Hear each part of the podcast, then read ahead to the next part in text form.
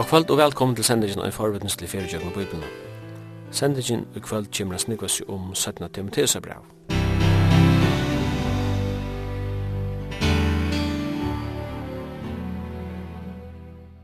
Jeg skal si fra at henda sendingen av forvittneslig fjergjøkken av Bibelen er at høyre lindene hvert mykje kvöld klokka 19 og endesendt verir fyrir 17. part klokka 15.30. Og i studien er Sjøyman Absalonsen, Jekvan Zakariasen og Taur Arne Samuelsen er teknikar. Sætna Timotheus brev er oiva sænasta brev fra hond Paulusar og i Nødja Testament. Hetta hira brev er skriva om loi ar tjeitrush, medan Paulus sett lantjavur i en fengahål i Rom. Paulus er oiva halshøgtur i Rom stutt etter at brev er skriva. Omstøvnar tja høvundanum og ta med kristne i sin høll tidsast at merskja brev. Fyrre fer Paulus at fengi Rom skriva han mitt landa Efesus brev, Filippe brev og Kolosse brev. Hesa 17 ferien hans at fengi hava vit så 17 Timoteusbrev. Og en fyra år er i middelen fyrra og 17 fangsus i halde til Paulus. Ut fra taimon imiske brøvnen får vi denne hauming av kusse Paulus og Timotheus mulig hava ferast hese fyra åren. Mulig er Paulus og eisne hamtidsin i Korint og førdur til fengalev i Rom. Romerska søvan tåsar om mong av honalig fangsel, og kanska er Paulus skriva sætna til Timotesabrev ur til tiltikna tullianium fangselnon, og i vær et slave og myrst undergjøres fangsel, her flere fengar bokstavlig at tala var etner opp av råtton. Kaisaren i Rom er fullkomlig av i høttnum om hetta Monti, og ta gonger ut i til kristne. Paulus apostel og Nero kejsare tidsast helt grøyt at hava steg anlitt til anlitt vi kvann annan. Det vil sija, og ei maur som stå fyrir de besta i finst, og ei maur som stå fyrir de endasta som finst. Høvesbåskaperen og i braunen er a soa dirvi og i Timoteus under öllum trångt. Mange kristen hadde mist møti av omstøvnen og forfylgjingun og Paulus etjar unga vinsen Timotheus at halda av. Tøy til ikkje keisaren, men Jesus som eier søgnasta året, og tøy er neid av å tryggver til deia. Og i braunen sast grøtt at Paulus meter søgna tøy av å farna, men årgods er ikkje bonte, og evangeliet om Jesus skal liva vujar. Tøy er neid vi personen som Timotheus, fyrir a bera kjentelen vujar. Anna Timotheus brev, vi er ofta mett er vi det mest etjande strusriti og i Nødja Testament. Og jeg kan vid er kommet fram til uh, farvel halsamma tja apostlene. Det er ikke nivi om at dette brevet er et særlig brev, tog at, som du sier, dette er en farvel halsam, som eisen gjer til at brevet er kanskje nekk personligare enn öll underbrøv som Paulus vil skriva. Og det er akkur som at han veit at dette munne sørste år som vi skriva, tog er kvørst år tuttninga mig fyrir mig å skriva. Vi vet at det er ofta lett over dent og det sørste som en person sier og han døy, og såleis kunne det eisen hitje etter eh, øren Timotheus brev. Det var akkur som det sørste som Paulus fikk sagt, eller kunne skriva, skriva, åren han verur avrattavur av nero. Og tog, tog eikjennan sette brevet eh, av nekkun imiskun. Paulus og Timotheus var hjarta viner, og Paulus hei leitt Timotheus til trygg som en unga mann eh, av første misjonsfrier søgne. Og tar hadde færa saman, Timotheus hei færas vi Paulus eh, av misjonsferien, og han, han var opplart av og, og Paulus engst at utøysa seg sjølvan nir ui Timotheus for jeg lærer så nek som han kunde i åren han enda i så skai og nu skriver han etter brev til han og han gjør han nekkar avmyndingar om hvordan han skal leva sitt liv og han, han er eisne som en som en elskande mentor eller fægir eller velleier som, som sier det sørste årene vi, vi sin vin og, og vi sin lærersvein kan man godt sige og, og det er ikke nivå med at brevi eikjennist av tui. Han, han avleggur Timotheus i at uh, være sterskan i trunne og være tryggvann i, i tænasne for Jesus Kristus. Samtidig så avver han eisne i måter eh, motgång som fyrir krupa inn i samkommunar, at folk fyrir fedla fra trunne. Og til eisne det sørsta hjertasoffi tja Paulus til Timotheus er eh, at han bønar og byr henne å komme til Rom at vidja seg og er en veter enn kjemur og det er akkur som han han stora sindri her fyrir veteren og hvordan fyrir vera. Og han byr Timotheus komme til sin så det er akkur som som at dette soffi her at, at jeg veit at mine dier er enda. Jeg, jeg innskjer ikke være ensam alt jeg innskjer at jeg har mine kæra som kjamer og han byr som besta vin Timotheus koma at skilja omstøvnar som så brev skriver under. Det er rettelig viktigt, halde jeg, hvis man skal få fæter i, hva skal man si, salen i breven. Jeg halde at det er et grunnleggende prinsipp, eller grunnleggende meiregla, i bibeltolkan hele tidsjø, at du er at se dere inn i støvuna, tja folkunum, som levde i sin, i sin situasjon. Og jeg sikker at, at om vi hadde doa sett okkur lysindri inn i støv av Paulus her som han sitter i fengehuset i Rom.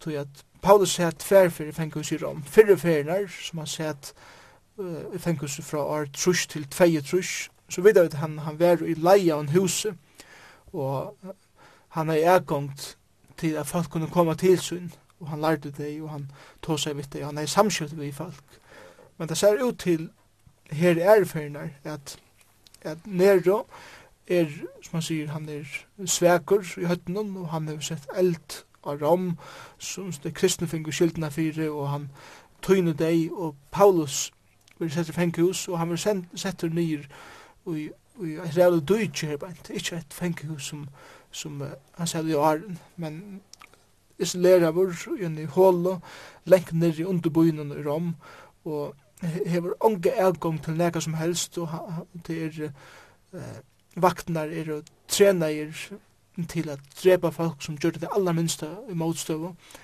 og her er kallt, her er vetren fer å komme, her er kallt, og, og her er enslitt, og her er øyne nei, og han bøyer etter å være holdsøkter, så han er faktisk, han er, er middelt her deia dømt, og bøyer etter at hans er turer verer Og hette er omsorgen som Paulus roy i, som han skriver etter sørste brevet til Timotheus.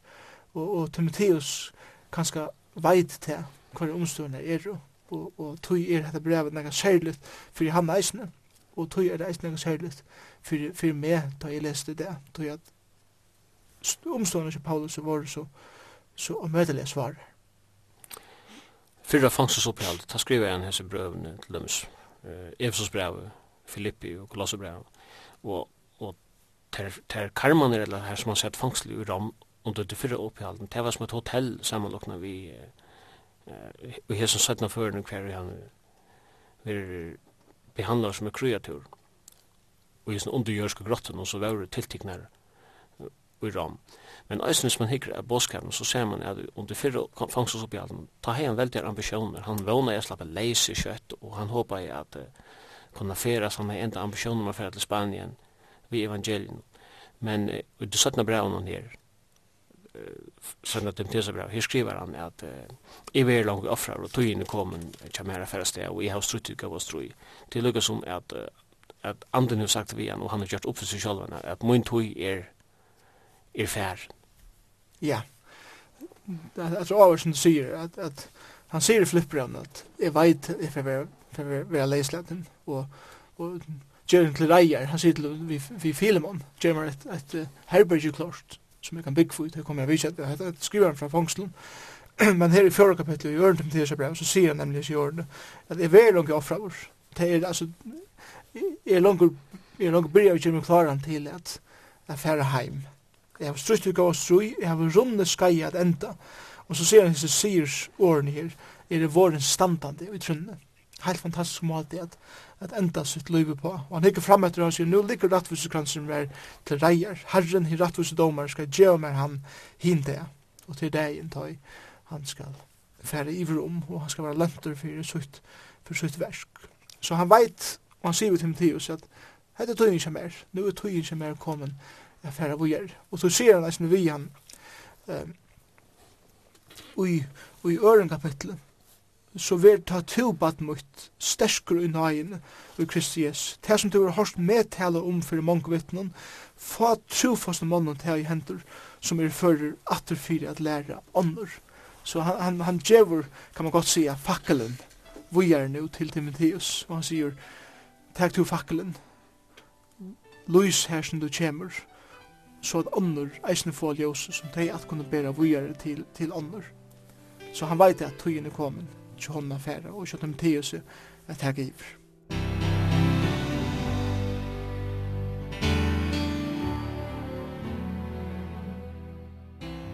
Jeg kan hvis vi prøver å sette alt i et mer søvlet perspektiv. Paulus kommer til Rom og i Artrush, av til at han som romerske statsborger hei skåde malset for keiseren. Og han sitter i fenga, lever i et eller annet, og i fengahusen i Rom fra Trush til tvei Trush, og vi er så leislaten og jeg leiser i omlai, hva skal man sige, fyra år. Og i åren fyra trus hendra en øyla tøyande hending i heimsøvne at rom brenner, altså eldre kjemmer rom, det er kristne for, for skyldna.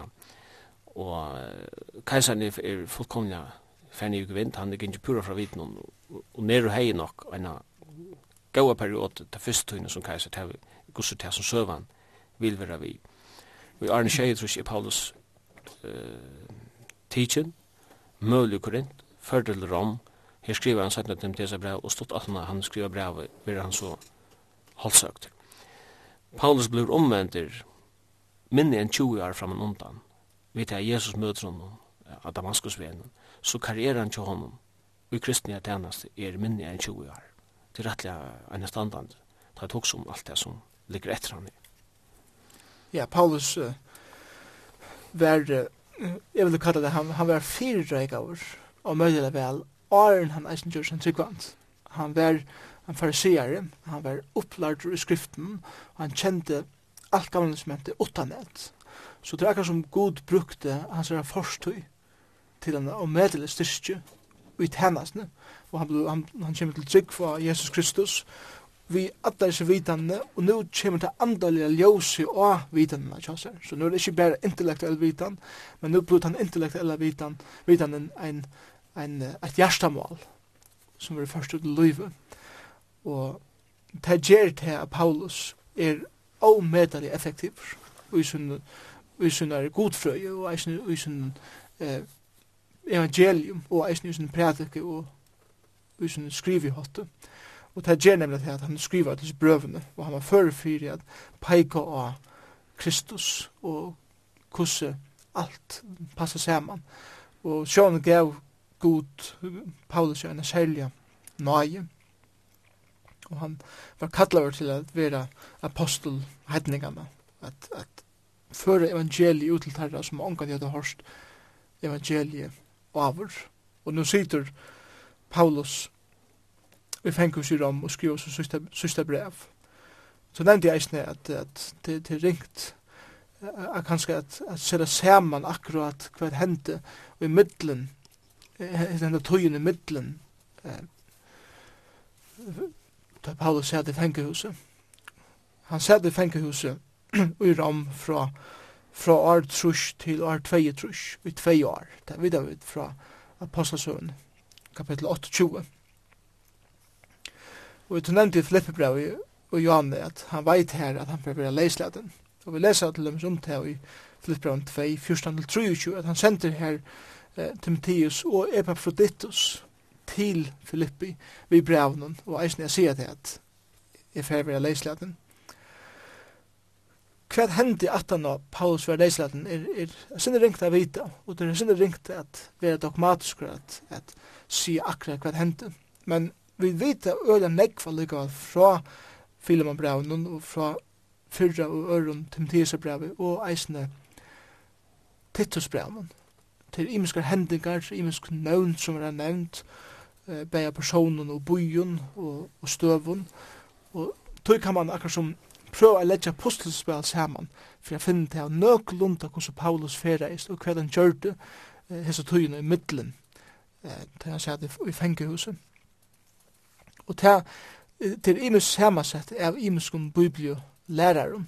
Men, men ein måte så kunne jeg godt peika av nu eh, hvordan møvelige Paulus ferreist etter at han var leisladen ur fengehus i Rom, da han var leisladen av, av Nero, keisaren, Aren, han, Aren Nero gjør det sjuker i høtten. Han Nero byrja i vel som en keisare. Onkur heldur at uh, i fylgje Filemon braunen, så, se, så sier han i Filemon at gjer meg til reier til for å komme til den. Og Filemon sjående var i samkomne i Kolosse, det vet jeg vet, det var samanbæra Filemon brev i Kolosse brev. Og han feras nok i jøkken Efesus, kanskje leder han Timotheus for etter her, og fyrir så vujer til Kolosse sjolvor, av vitja Filemon. Og sjående det eisen i Onesimus, som han hitti i fenghuset i Rom som på en eller annan måte er leislet natter og for heimatter. Og det er så år 22, kanskje av heste år 22. Så gjerne ferer han til, til Makedonia, og fylgje Filippbraunen 224, så ferer han til Makedonia, at vi ikke samkunnet Filippi, kanskje eisene, og er her enn av og, og vi leser det samme i, i 4 Timotheus brevet 1, og vers, vers 3, jeg bygde til, nu som tar jeg for til Makedonia, så han nevner året Makedonia her, og i, i sin brevnen. Så han har vært i Makedonia videre vidt.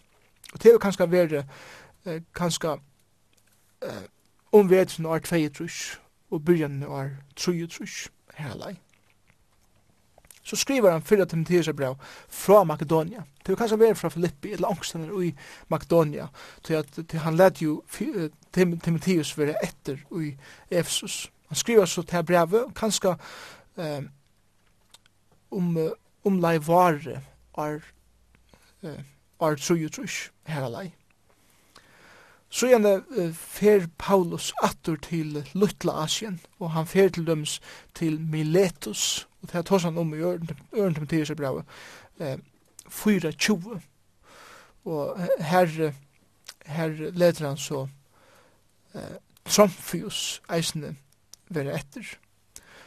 Og Paulus skriver til romverjer, i kapitel 15, vers 28, at han hei planer om, eller atlaner om å fære til Spanien. Vi vet ikke om han får til Spanien eller ikke, men det kan være at han, han får til Spanien uh, tjøkken enn tog her bænt fra år 3 trus, kanskje til år 4 trus, eller 5 trus. Det vet jeg vet ikke rettelig. Men han er så gusir ferast her om leier i, i Lutla Asien og her leir. Kanskje får til Spanien. Det er ikke prekk for tog i det. Men vi vet at Paulus får til Kreta, og her tok han Titus visser til, til Kreta. Og han lær Titus etter at han, at, at han er veri i i Kreta og grundarna samkom her. Og han lær Titus for etter for å få skil og noen ting som skulle få skil på i samkomne, som til dømes at sette inn eldstar. Og ta lesa vi uh, om i Titus 1.5. Kanskje vi tar være eh, nok så tullja år 36 herlei.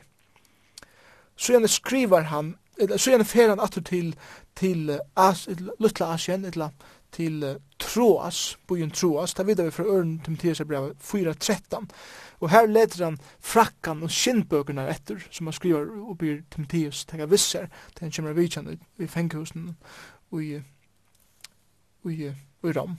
Og vi vet at Rom har brent her i middelen, og er fyretrus, brente rom, nere sett nok elda rom sjolvor, og, og gav ham kristne skyldna fyrir dem. Nere hei hesa manien at han, han elskar jeg bytja, og at han døm var rom, særlig mibuin rom, ølen bygde vi, vi treg, hus var bygde av trøvun, som gjør det at eldren bredde seg så kjøtt. Men onkur heldur at han, han hei et her fri eie at bare utrota det gamla og for at bytja alt upp av nudjun. Og som, så eisen som hefur gjørst her, Rom er så utrolig bujur som han eisen er endan det er det. Fra uh, Troas, kanskje skriver han Titus brev, og omlai sommare og er 6 Så vet vi fra Titus 3.12 at han feres til en by som heter Nikopolus, og og her er han så veteren år 36 og 36.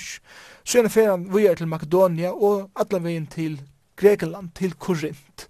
Og ta videre fra Øren til Tillsberg for 20. Og her, her er det at han leder Rastus for etter, og kanskje er det eisen her han vil hamtidsjen, og vil så førtur herfra, og er tjeje trus, eh, til Rom, som han skriver om i Øren til Tillsberg 1, 16, eller 16 og 16 og kanskje vi tever i år tjeje trus.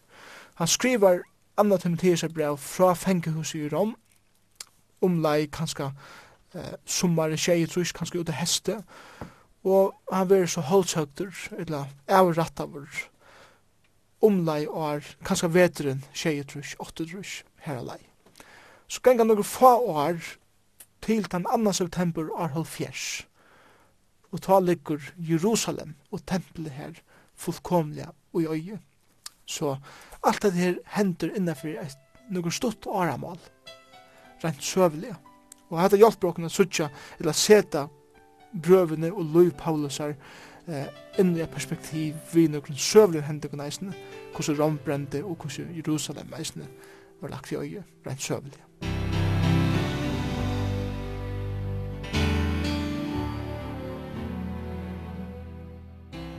Vi vet at romverjar var eh, rettelig toleranter i fyrir hessner multietniska kulturen som det var valdsherrar i. Det hadde jo vi i ötlen heimen. Og det var slå i harsnir av alla motstand, politiskan og alla upprøyster. Men eh, er det så, så finge folk lov til nærsagt at, at hava det trygg som de vilde. Størst, ja. Vi sørger det at, at, at landshövdingarna i Jerusalem, Pilatus och Festus och Felix tar som kom efter. Alltså tar tar tar tunt inte för att blanda sig på judiska träter om om troarspårningar och så framvägs. Men, men han den här romerska vad ska man säga toleransen eh det var ute vi henne i Arfurtsrush. Ta händer en en ta ju nytt kapitel en brötning i vad ska man säga romerska politiken mot kristendom. Ja. Yeah. Og er fyrir kan kan man godt sige, så er skjeringspunkt i, i søvet her av kristne og i til romerska rujtjen. Det er nok så avvist, ta vi lesa tjøkken apostelsøvna til dømes, så, så hei kristendommeren, eh, han, han valde ångan øtta fyrir tavrande samfunnet. Han var heldur positiv fyrir samfunnet. Han, han lærte at, at vi skulle vira okkar myndleikar, vi skulle vira kajsaren, og vi skulle gjelda okkar skatt og så videre. Og, og Lukas skriver apostelsøvna i verju fyrir Paulus som skulle færa til kejsaren vid sinne mål og han var leisladen, det var ikke finnes det at. Det var nere kjolver men uh, det som de kristne byrja å loja fyrir var det at de, de vilde ikke gjøre seg involvera i samfunnet som de kanskje var, var over de ville ikke tilbjæra godar de ville ikke være involvera i, i å tilbjæra kejsaren og gjeva kejsaren eh, det guddommelige eh, tilbjæra som han ville heva og, og tøy byrja i akkur som at, at hitja nyer av det kristne og de var utskåd ur samflanen og så var men grunden fyrir at Nero gav dem kristne skyldina fyrir eh, at han var sendt eller sett eld og rom var ikkje endelig at han er trygg han, han yngste bare finna en minnelota i samfunnet og letja en, en skuld atei fyrir at han skulle snikva seg undan sjálfur at hava skuldina. Men flest folk visstu at det var nere sjálfur som hei sett eld og arom. Men her byrjar sånn utviklingur, og utvikling byrjar nemlig vi at de kristne eh, vera forfyllt, ikkje fyrst en trygg opprunalega, men fyrir at hava just a lavet herversk av rom, at hava sett elda bojen. Og her er det at de kristne byrjar vera tunt eh, utjøknum til og, og de vera spjatt ut i alt det romerska rujtje. Men det er faktisk ikke fyrir Domitian, eh, Gers Kaisar, at det verilige byrjar at gengur til den kristne grunda at det er trygg. Tog at Domitian var den første kaisar som kravde at folk skulle eh, vi åren tilbyja hans egna navn. Og det gjør det til at en kristen ikke ville bodja seg fyrir kajsan til fyrir, en kristnan er bare ein herre og til Jesus Kristus. Og ta byrjar han at tøyna deg fyrir det retsikv, og, og de var sendt ut som trealer, de, de løya rævliga tøyning og pyne og deia, og vi vet at Johannes var sendt til Øytna Patmos, fyrir sånne trygg, sendt som trealer at arbeid her i Kåbermynden som var av Patmos. Så det, det byrjar vi at det var bara en, en kan man godt säga en syndabukker for det som nere har gjørst men det utviklar seg til det at det stod opp for sånne trygg tog at det romerska rujtje gjørdes meira meira eh, sekulært og, og kajsaren kravde at de skulle tilbya med eisene. Det kunne godt hava til gode som de vilja, men de skulle tilbya med eisene. Og her var det trobladet som kom inn til de kristne, til at de hadde bare ein god, og det var Kristus, og de bøkte seg ikke for keiseren, og de lier rævlig av tøyning for det.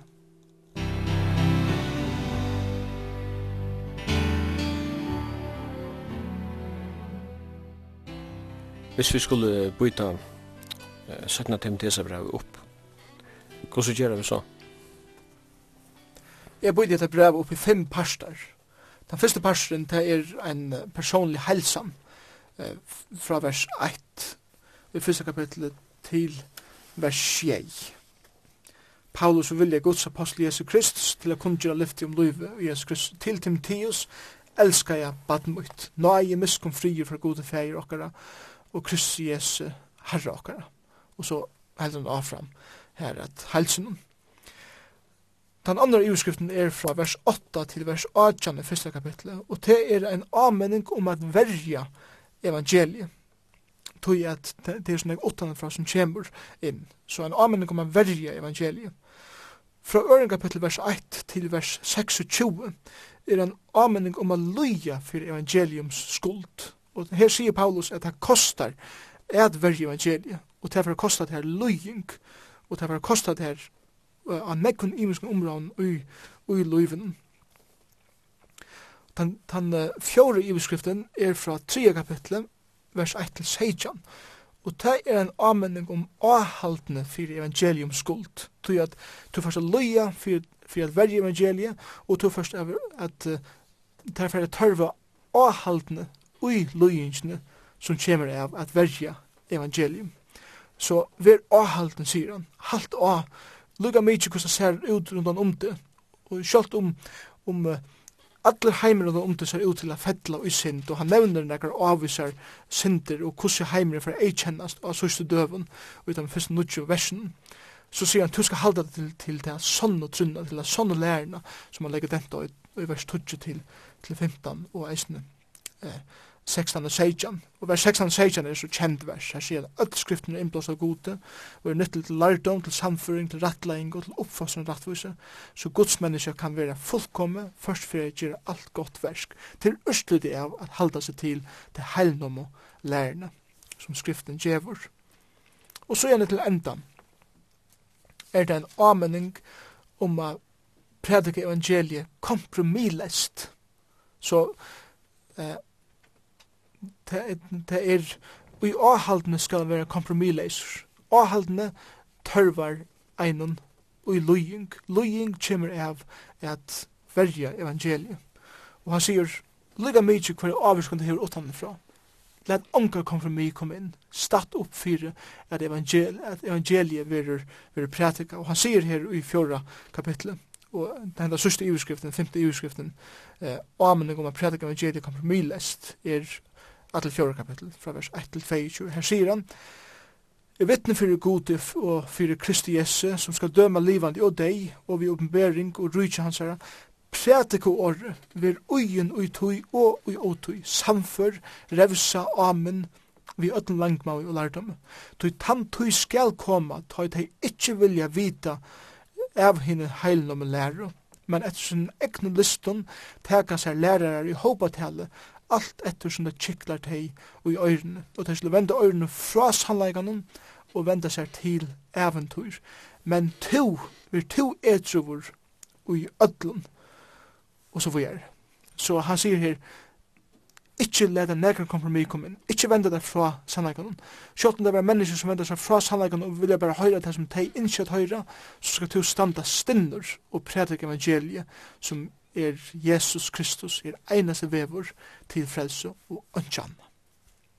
Og i byrjanen av braun, her sier han vi Timotheus, jeg minnet jo at det kveitjer at det er nøyga av Guds som uitar er vi allergjeng handa moina, til god gav okken ikkje anda mødløyses, men anda kraftar, kærløyga og syprys, skammast tog ikkje vi vittnesboren om herre okkar, etla vi med fenga hansar, men lui ilt vi evangelien vi kraftgods.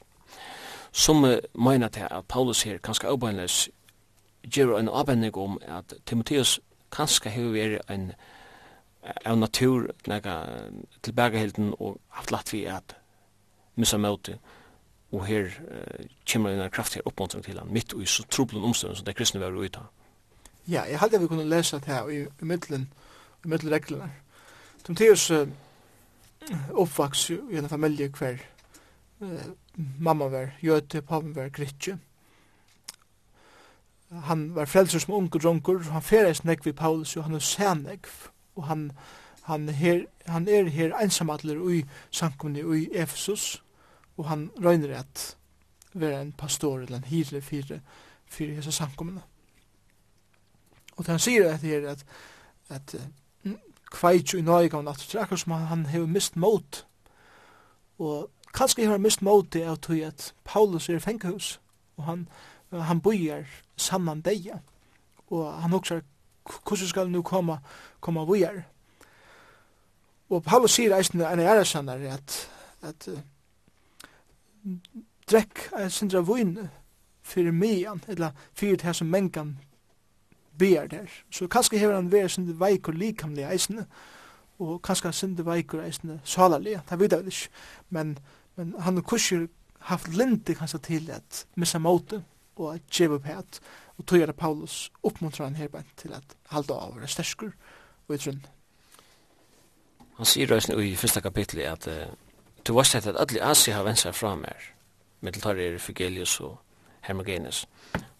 Nu var Timotheus mulig Asia til han, uh, færre til, vi vidu gusant han til Efesus som var i Asia.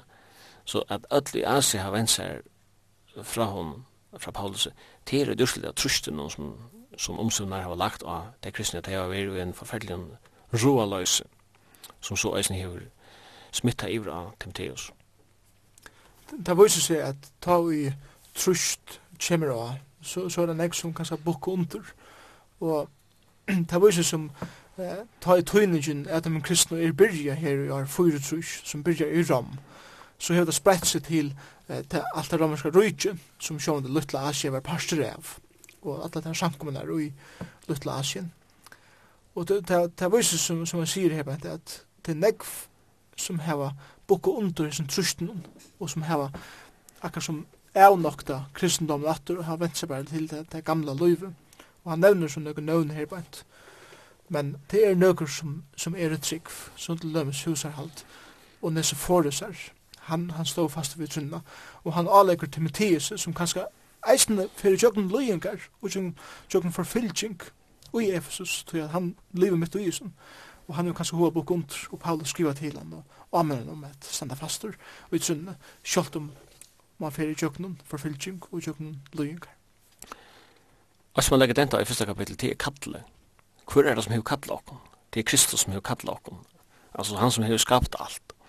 Og er man blitt kattle av en så stor autoritet som Kristus, Hvor skal man så boka under fyrir til romerska kajsaren som er en månande lakre autoritet.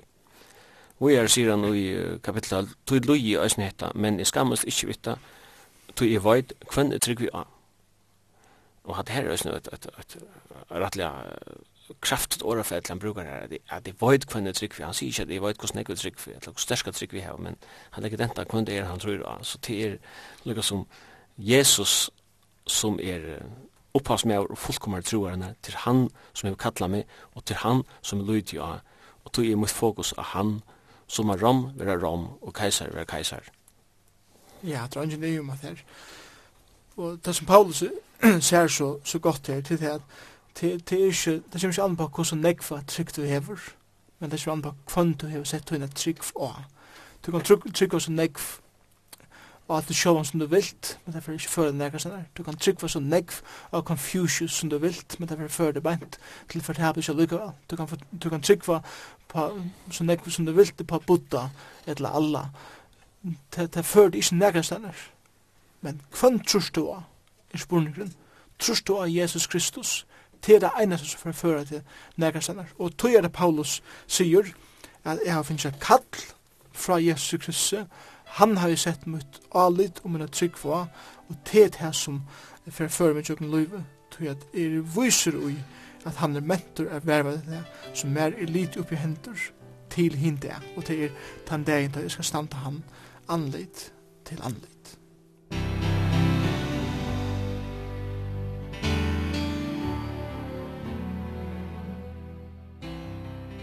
Hesne er kindlen, som er det apostoliske arbeidet og kristendommeren og evangelien. Han skal jo føres vågjere. Og han sier i kapitel 2 og vers 2 eh, Det som du har hørt med tala for mange vittnen, for trofeste mannen det hender som er fører for atter å lære andre. Altså, han hoksa langt om til neste atali. Ja, det har jo Paulus kjørt at tøyina, at er så kjøtt som uh, Timotheus kom til trygg, så byrja han å øysa sitt liv nyr i Timotheus, og at oppvendig ham man hugsa longre enn det, og nu sier vi til Timotheus, nu er det tøyn turer at teka, Jesus teka, eller kjentelen vujare til andre. Og han sier her i første vers i øren kapitlet, så vil du ta badmutt sterkur i nøyene i Kristi Jesus. Han brukar den titlen her, badmutt, og det viser at det er forholdet som er i middelen her bor. At Timotheus er baden Paulus her, og i trunnet Og han sier, «Vær to ta sterskur i nøyene, og i Kristi Jesu». At, at året sterskur er et avhåverst år. Og at det er faktisk her et, et passivt år, kan man godt sige. Han sier, han sier faktisk, «Let te styrstja er en beinleis omsynning av snåren. Og han sier, eh, «Vær to i en slugare situasjon, at to vær styrstur atter og atter». Hvordan ver du til? Til vi at være ui nøyene, til vi at halda det til kjeltene som er Jesus Kristus.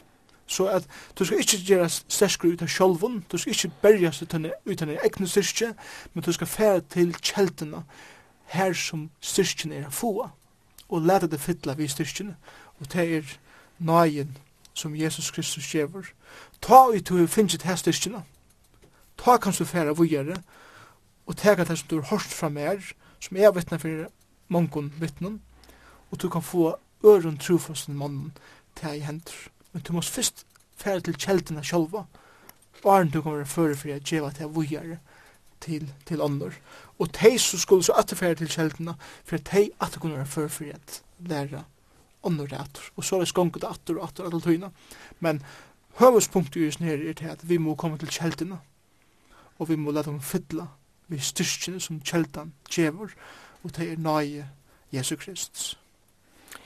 Vi sykja Timotheus av Braun, at Timotheus, og jeg som satt Braun, at Timotheus var, uh, var um, sterskere i skriften om, det kom du geng ut fra, det stender at du kjenner fra badni av uh, henne heila av skrifter, så alt godt om det.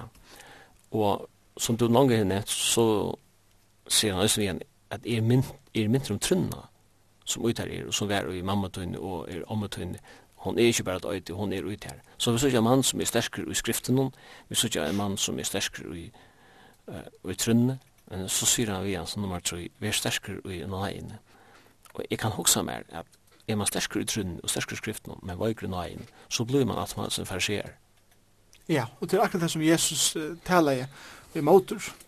Farsierne var å møtelige køner i skriften hon ønsken kjente skriftene som teir. Og, og teir dødde skriftene utan et, og teir gjør det alt for å velge skriftene. Det høyde en av, med det viring fire skriftene til, til ønsken i til. Men teir var fullkomlig nøyeleis, og, og teir var lovar bundner og trælbundner, og, og høyde fullkomne mist egene av nøyene som eisene eh, var å finne i skriften. Jesus kommer inn i myndene, og Og vi lesa i Johannes 14 at han var fotler av nøye og sannleika. Til seg samme som Jesus eh, engste at vi skulle hava en, en, en en god vidan om sannleikan. Vi skulle hava, eh, vi skulle kjenne skriftene. Men han sier, ikke gløyma nøyina. Og hendan balansan, om vi kjenner skriftene vel, om vi er køner i skriftene, om vi er sterskere i skriftene,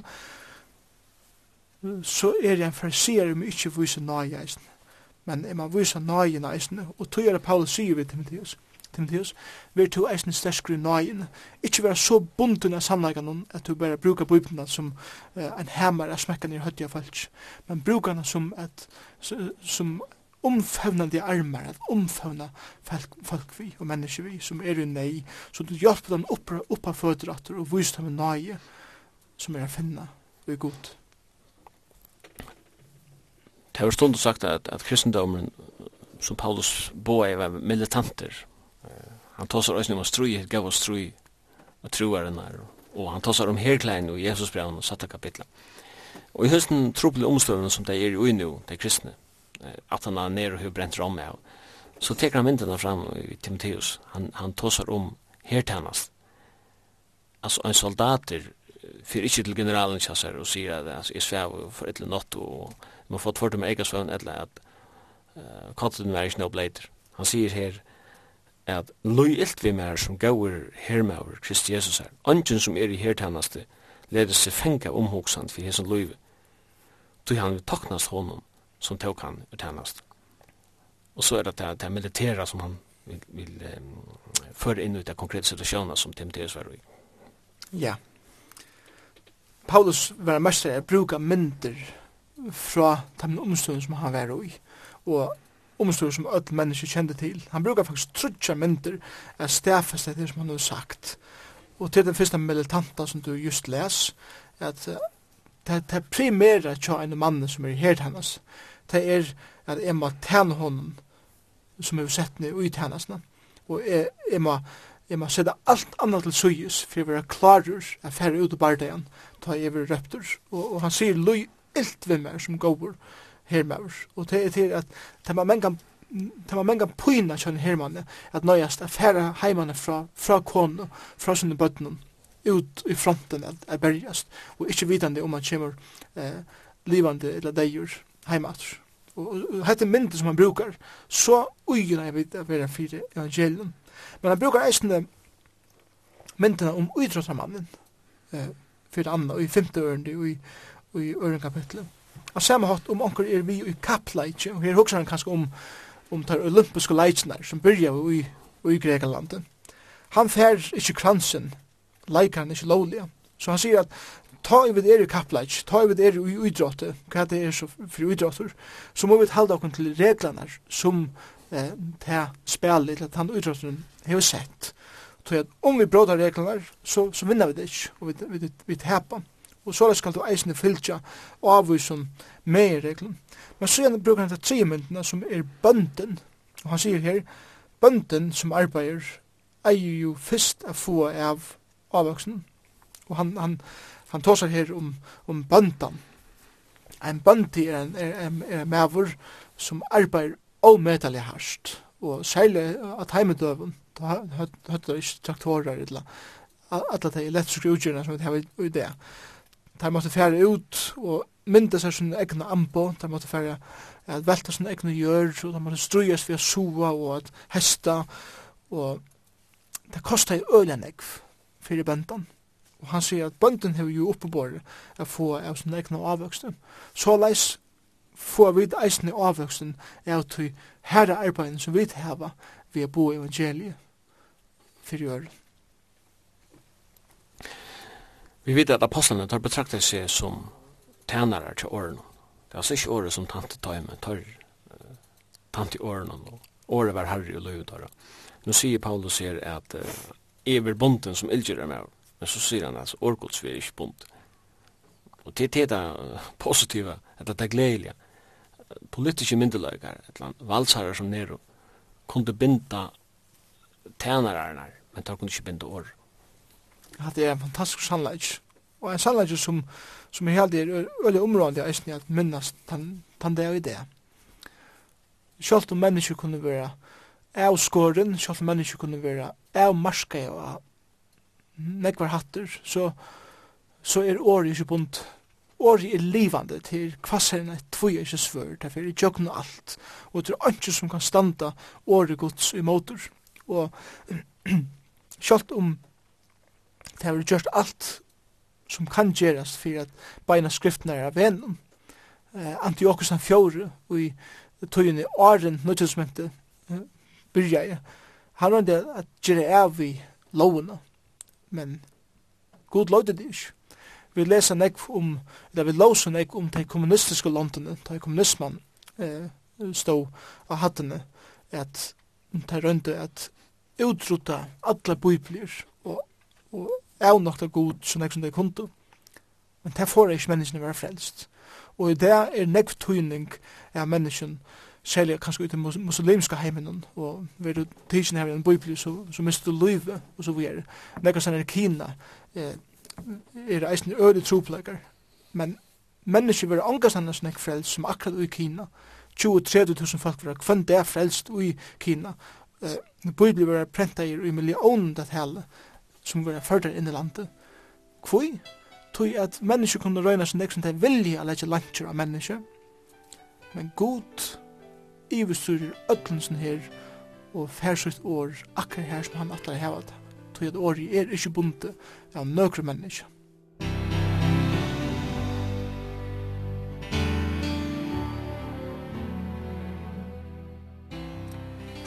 Ja, man sier at det er maotag vi i 1924 i Kina da var det 1 million kristen i Kina. Og i det med man at helger, ganske vel om 100 millioner. Og for at for at for det timer og just hele kristne i Kina sværa til folk til i Sverige. Det er helt utrolig at hugsa seg.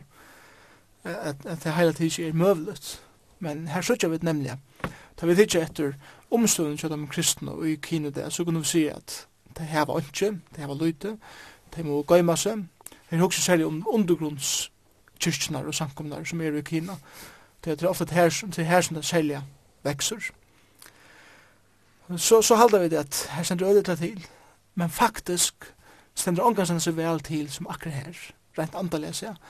Og, og jeg tykker vi at at okkara materialisma, okkara humanisma og okkara eh, beheilighet er kanskje okkara største haft om beinene for at evangeliet kan veksa i Vesterheimen. Og jeg tykker vi at som okkar i samfunnet vera fyrir vera meira meira sekularisera og vi fyrir få meira meira moking det tykker vi er fyrir vera en rensam fyrir samkunn og så fyrir gjerra til at kanska fyrir enda meira folk i fyrjun og i vestra meira tidsi er koma til trygg for Jesus Kristus til a motstøva fyrir vera meira meira og til sunt.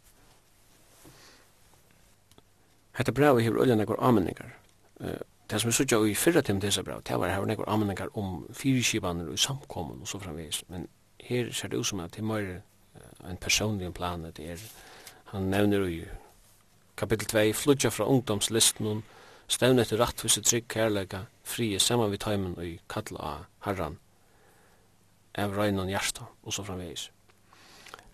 Til det er oppbytja en karakter ut i ønstega, det er det som er mal i hesen. Til malet vi, avmenningin som Paulus hever til Timotheus her.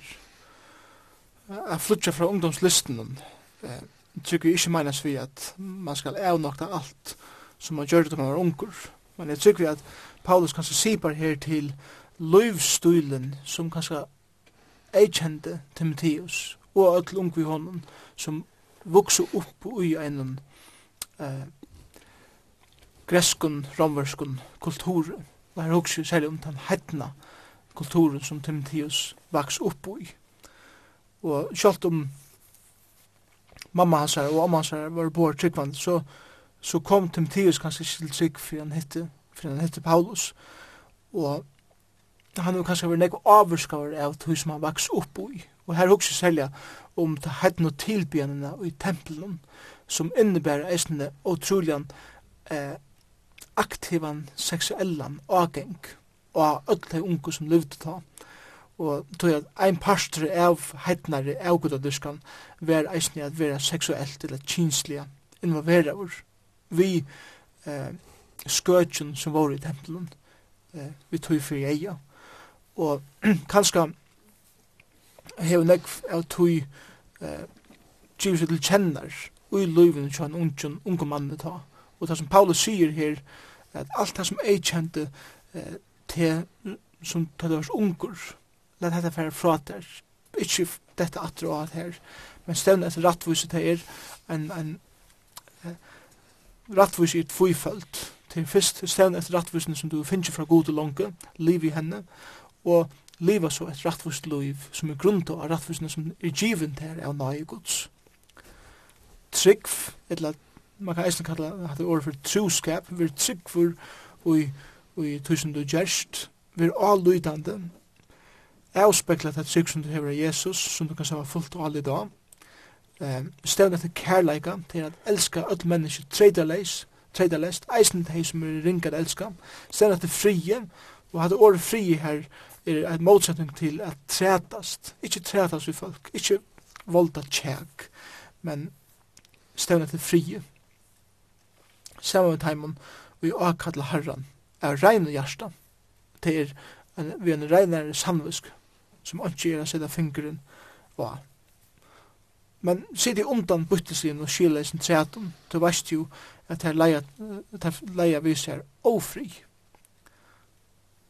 Tennar herrans eier ikkje a strujast, men han er a milde vi öll, fyrir fyrir a læra omur, tålen tål han lyr illt og han skal, skal vi spek for heva teimen som seder seg i motor, kanskje god for eisen at unna teimen omvending, og så vi er.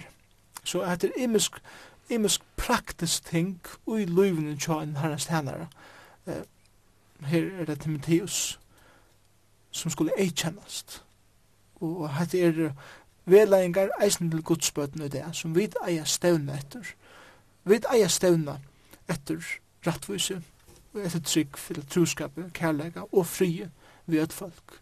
Og vi er ikke blant okken på i træter, og nei og træter som bare valda split og ofri. Vi er halde okken til eh, det som skriften lærer, og spek for i heve av teimen som sier skriften imot. Og vi er tålen tar vi det være avtale i, eller vi er kallet i fundamentalister, eller hva det sier. Vi er bare teka til av okken, og bæra til tålen til en dag skulle det være lønt for okkara strøy.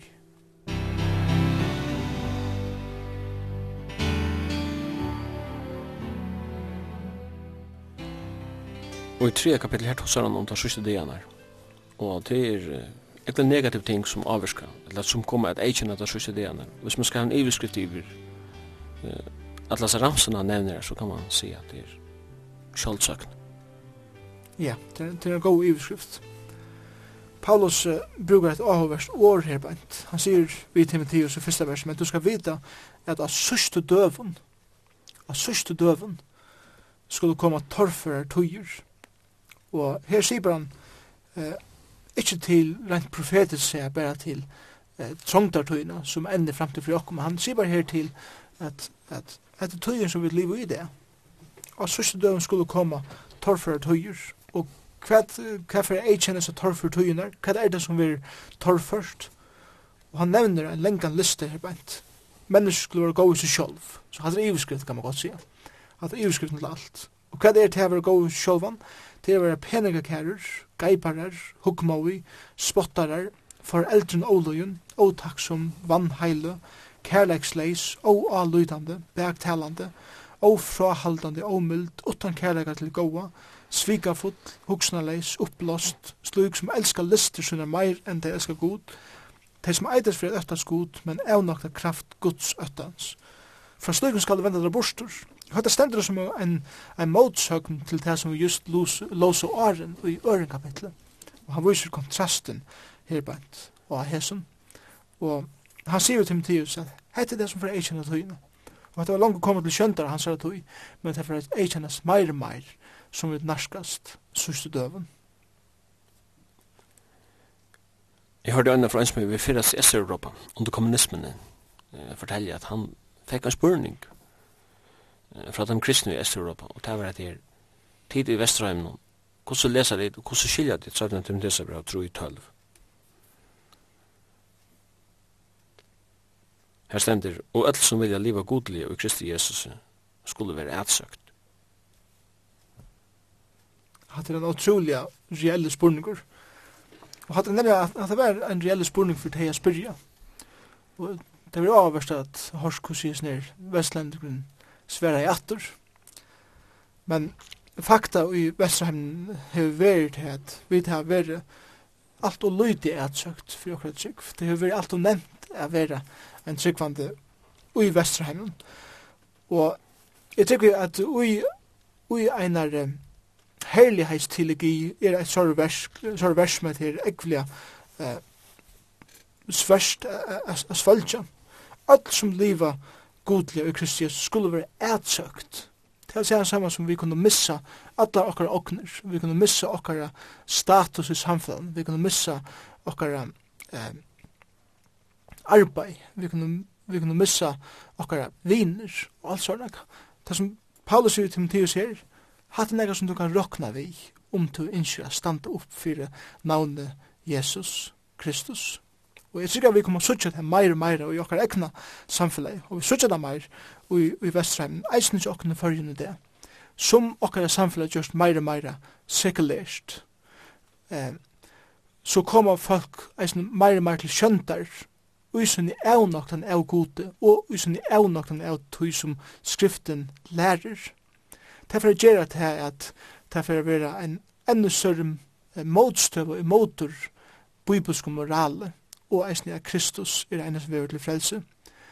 Og ta er skulle standa opp for en bådskap som er absolutter, at bibelsk moral, moraler er absolutter, og at Kristus er ene som vi til god, det er fer å gjøre det at kristen fer fer a vera ætsøkt sankummer og kyrkje fer a vera ætsøktar.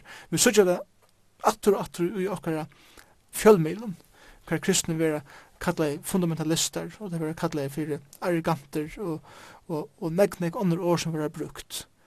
Ja, men altså, vi skulle ikke vanta nek anna. Hette er det som Bibelen sier, om det standa opp for Jesus Kristus, så færa det det vera ætsøkt. Er det slett ikke, slett ikke bilsen av det som hender i okkar samfunnet i det, slett ikke. Jeg veit at det fyrir henda, og det fyrir vera enn enda meir, og dette fyrir vera det sundaste som fyrir henda i okra samkommun søve i okra landet, nemlig at vi fyrir vera være etsøkt, tog at det fyrir rensa okkara samkommer og okkara kyrkjo, fyrir alla åreinsko, og ta reina fyrir sanda etter, og ta fyrir mennesker, er blei frels som omkandi avur, og jeg tykker vi at etsøkken i okra landet fyrir å skrepa en vetsing, middel det tryggvande i okra landi. Tøyran han ofta mestre av den sekulerar humanisme og hon tolererar ötsliga av kristendom og til oftan han utvattna i kristendom hver vi god er reducerar til en eller annan anders antfigur Ta er det nevnt at, at heva en kristendom Ta er, ta er eh, som du sier, han er bara en, en eller annan figurer, han er en fynur jólamaur at heva, ta vi skulle heva det som vi vilje heva, han er en fynur eh den fina mat i hela jolo på til att hon har lust och till familjen. Ja förresten så var Jesus här också men men vi lägger mer dent av packarna, vi lägger mer dent av förbruket av jolo. Vi lägger mer dent av våra samman som familj och alltid för sätt till synar. Och vi ska inte ropa för harst om Kristus, vi ska inte ropa för harst om eh, bibelska moral. Hvis ikke råpa for harst om at skriften talar i motor samkjentum, etla motor otruskap i tjunaband, etla at heva seksuelt eller kinsligt samfella og åren tjunaband, etla snuida sin skatt, etla hva som skal vera. Hvis ikke råpa for harst om det, vi kunne kalla okkur kristen, men hatte er fullkomlig motor Jesus Kristus sjolvun, Og tog er det med å komme attor, ikke til kristendom, nei, jeg vil slå fra fra til Jesus Kristus og standa upp fyrir det som han hefur sagt og det som han sier vi skal leve etter. Det er fyrir å kosta nemlig ui en pluralistisk og humanistisk samfunn som vi lever i det. Og til faktisk det som han heldur fram vi i sista kapitlet i Snedsatt etter Nesebraun. Han sier, jeg er vittne fyrir god og fyrir Kristi Jesus som skal døma livande og deg og vi åpenbering og rujtjansar. Prætika året ver uien og i tui og i autui sannfør refsa avmenning vi öllum lengmau og lærdom. Så kjemmer det her, tant tog skal komme, tant det ikke vilja vite av til heilna med lærer. Tant er her langt nu. Og da Paulus sier her bænt at at sørsten da skulle komme tar for tøyer, så er vi negg narre endan enn Paulus vær nu, 2000 år 17. Og vi, vi sørger her avspekla atter og atter at folk vilja ikkje høyra det som de eier høyra, men de vilja høyra det som de innskja at høyra. Og det skal ikkje være for opiheilet, det skal helst være nekka som de kunne føle seg vel vi, og så bare kunne samarbeide seg vi omkring annan, og alltid kunne si at hæsen er verdig enn det, eller hæsen brukar meira pengar enn jeg, hæsen snøyde meira enn det, tog er i ikke galen, og, og tog kunne vi bare møte okkara støve ut fra hver andre sige og hver andre er, Men Bibelen sier at vi skal se samarbeide oss vi andre mennesker. Vi skal ikke samarbeide oss hver er verre enn det, eller hver bruker mer enn det, eller, eller hver er mer omoralsk enn det. Okkar standard er skriften. Okkar standard er Jesus Kristus og ikke annet. Og tog er det at uh, det kostar sånn jeg standa opp i, i okkar samfunnet og i det. Men han sier vi Timotheus, Timotheus, vi er to etruer i ötlun. Året her etruer er, er, er bare at, at, at være til reier og være konsentrerar om det som skal gjerast. Lat ikke få til å vinkla er lei. Vær du pura, pura stinner og pura klarer og i ødlom. Lui illt gjer versk evangelions fullført hennes tøyne. Og versen sier lui illt. Og hatt det sender i båshotte til å saman som at, at ta fera kosta der, ta det kjemur av dem, standa av stinnereisene, til det fera koma og hatt er eisen båskap som han kjever okne det. Må gongt færa koma, vi færa loje illt for jeg standa opp for Jesus Kristus er skuld. Men gjer versk evangeliums, det er predika nøyina, peika menneskina av Kristus og fullfør tennastøyna. Det er vir åhalland, lyga mykje hos store eh, mågengren er, lykka mykje hva det kostar det her, bæg personlig, eller fudjalig, eller arbeid, eller, eller middelviner, Lykka mykje hva det kostar der. Fullfør to til arbeid som Kristus er givet her å gjøre. Det er det som får givet her løn. Og det er det som du skal enda standa fram, framfor Kristus og han skal se over til takk for til gode og trykve tænare.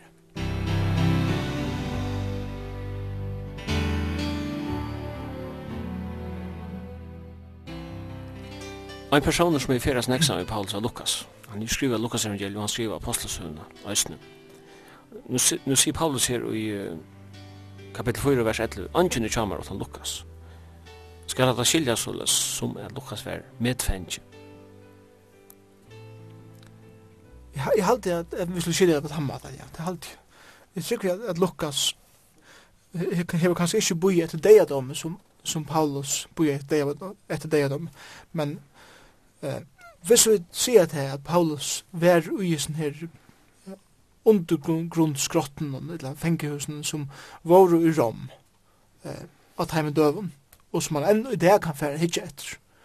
Så, så hevur det vært ringt John kanskje hadde haft Lukas visser bare som en, en vidkjant Det kan ha vært mulig, men, men hvis man hikker søvlig etter hvordan omstående våre, så hevur det vært øylet torførst Så det kan være at ta i Paulus var handtidsen i Korint. Ja, Lukas kanskje var vinen, og han får eisen i fengkhus vi henne. Det, det vet jeg vet ikke. Men, men da han sier at ønskjene kommer til Lukas, så, så må jeg teka det for det som det sender. Ja, Lukas var her i tjaen. Og kvann hatt vet jeg ikke akkurat. Og i denne seneste versen så får vi en avbending om at Paulus hever vir av akkerbansjen i Ram. Og vi vet fra det fyrre fangses opp i alt at han kom og standa for keisaren. Det har jeg godt sagt vi henne i dreimet etter sig på alt, du skal komme og standa for kajsaren. Så det er han altså prøver for å steg for kajsaren. Nu sier han, i mysteriet, han nevner Alexander Kåpersmyren hever Gjørsman Egvilt, herren fra lønnen etter versken hans herre, vær øysen to til fire hånden, han stå åren okkara, harst og imøte, og første fyr i verden med, kom andre mer til hjelpar, öll svike med, hei det ikke vært heim tilrakna. Men herren stå tja mer, og styrste med, for jeg prædika året sin skulle være fullført mer, og öll folkeslu for han å høyra, og jeg var frelster ur gapet leivunar. Så vet ikke minst Alexander er en slags akære, til er ingen som tyr på det. Eh, Paulus er veri akære bansjen, og han hever prædika Kristus, og vi var heva, hever til høysten haft avvarskan at det som er hårstand, han brukte bare akære bansjen som en prædikstøv. Og at jeg sier at jeg var frelster ur gape leivunar, som er mine at han sipa til Nero kaisera. Ja. Yeah. Onker heldur at, at kanskje var Paulus kastar ut i Colosseum, og nemlig til leivenar og, og alt det som var her. Vi får, vi får en lutla mynd, eller rettere sagt, en ser en god mynd, ja, tog jo i filmen Gladiator, hver Maximus demonstrerer hva det velger å være at bergjast ut i Colosseum.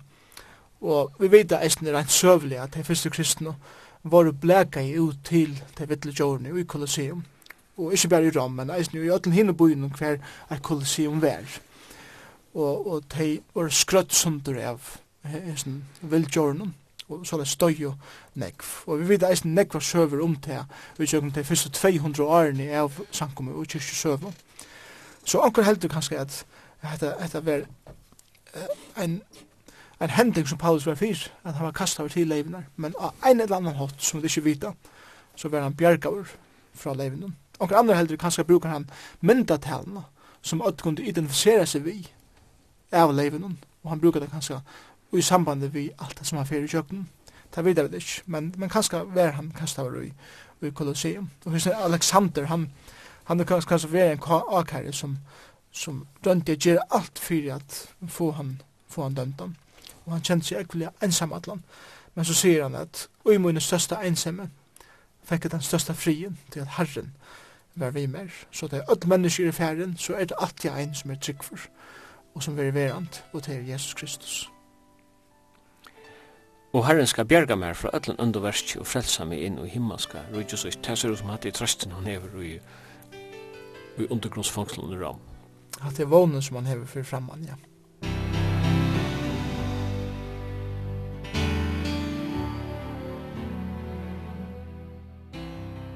Til sust så kjem da Øystein Paulus og Løgt nekker halsaner og endan av braun og aller søgnast sier han Herren Jesus vere vi anda tøynen Nøyen vere vi tikkum Og hatt er det sust årene vi har og heller tidsi fra hånd Paulus her. Ja, det er det sust årene Og vi hava her det sust årene som Paulus skjer og i hos nere kapitlen fjore kapitlen og i braun er øyelig innerlig kan man godt si han, han, han, han, han, sitt hjärsta fyrir Timotheus. Og han, han sier til dømes, i nutjen dørende, røyn alt hva du kanst, kanst a koma til min kjøtt. Og han akkurat råpar til Timotheus, Timotheus, set, set alt annet til suyes, og, og hvis jeg ligger der fyrir, kom så til min her i fengkhusen og i Rom. Og så sier han i 13 dørende, ta i du kjemur, hev ta vid her kappan, som er leie etter vi tro oss. Så, så han, uh, han hekker fram til veteren som nu får komme, og han vil hava kappan for at hita seg vi. Og bøkene, kjærlige skinnbøkene.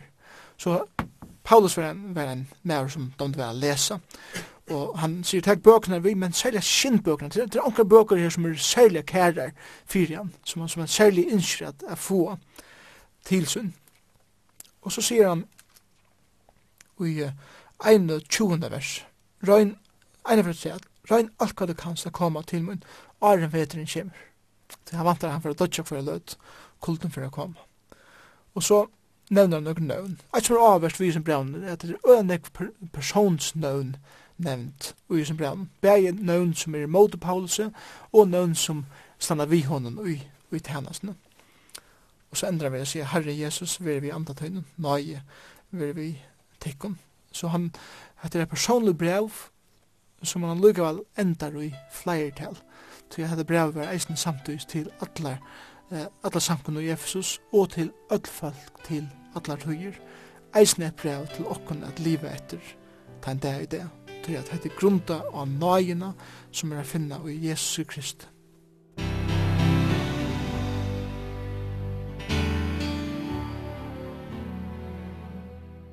Og vi er så kommet til endan av sendingene og en farvunnslig feriegjøkken i Bibelen.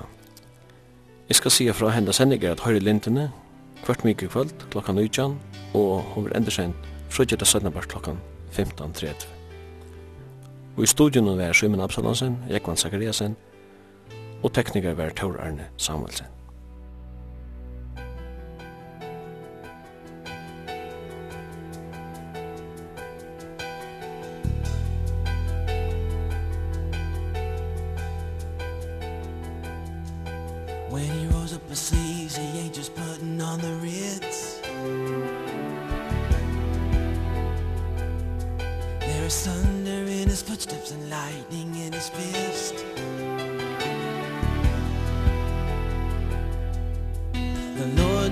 joking when he kicked him out of Eden. It wasn't for no reason that he shed his blood His return is very close and so you better be believing That our God is an awesome God.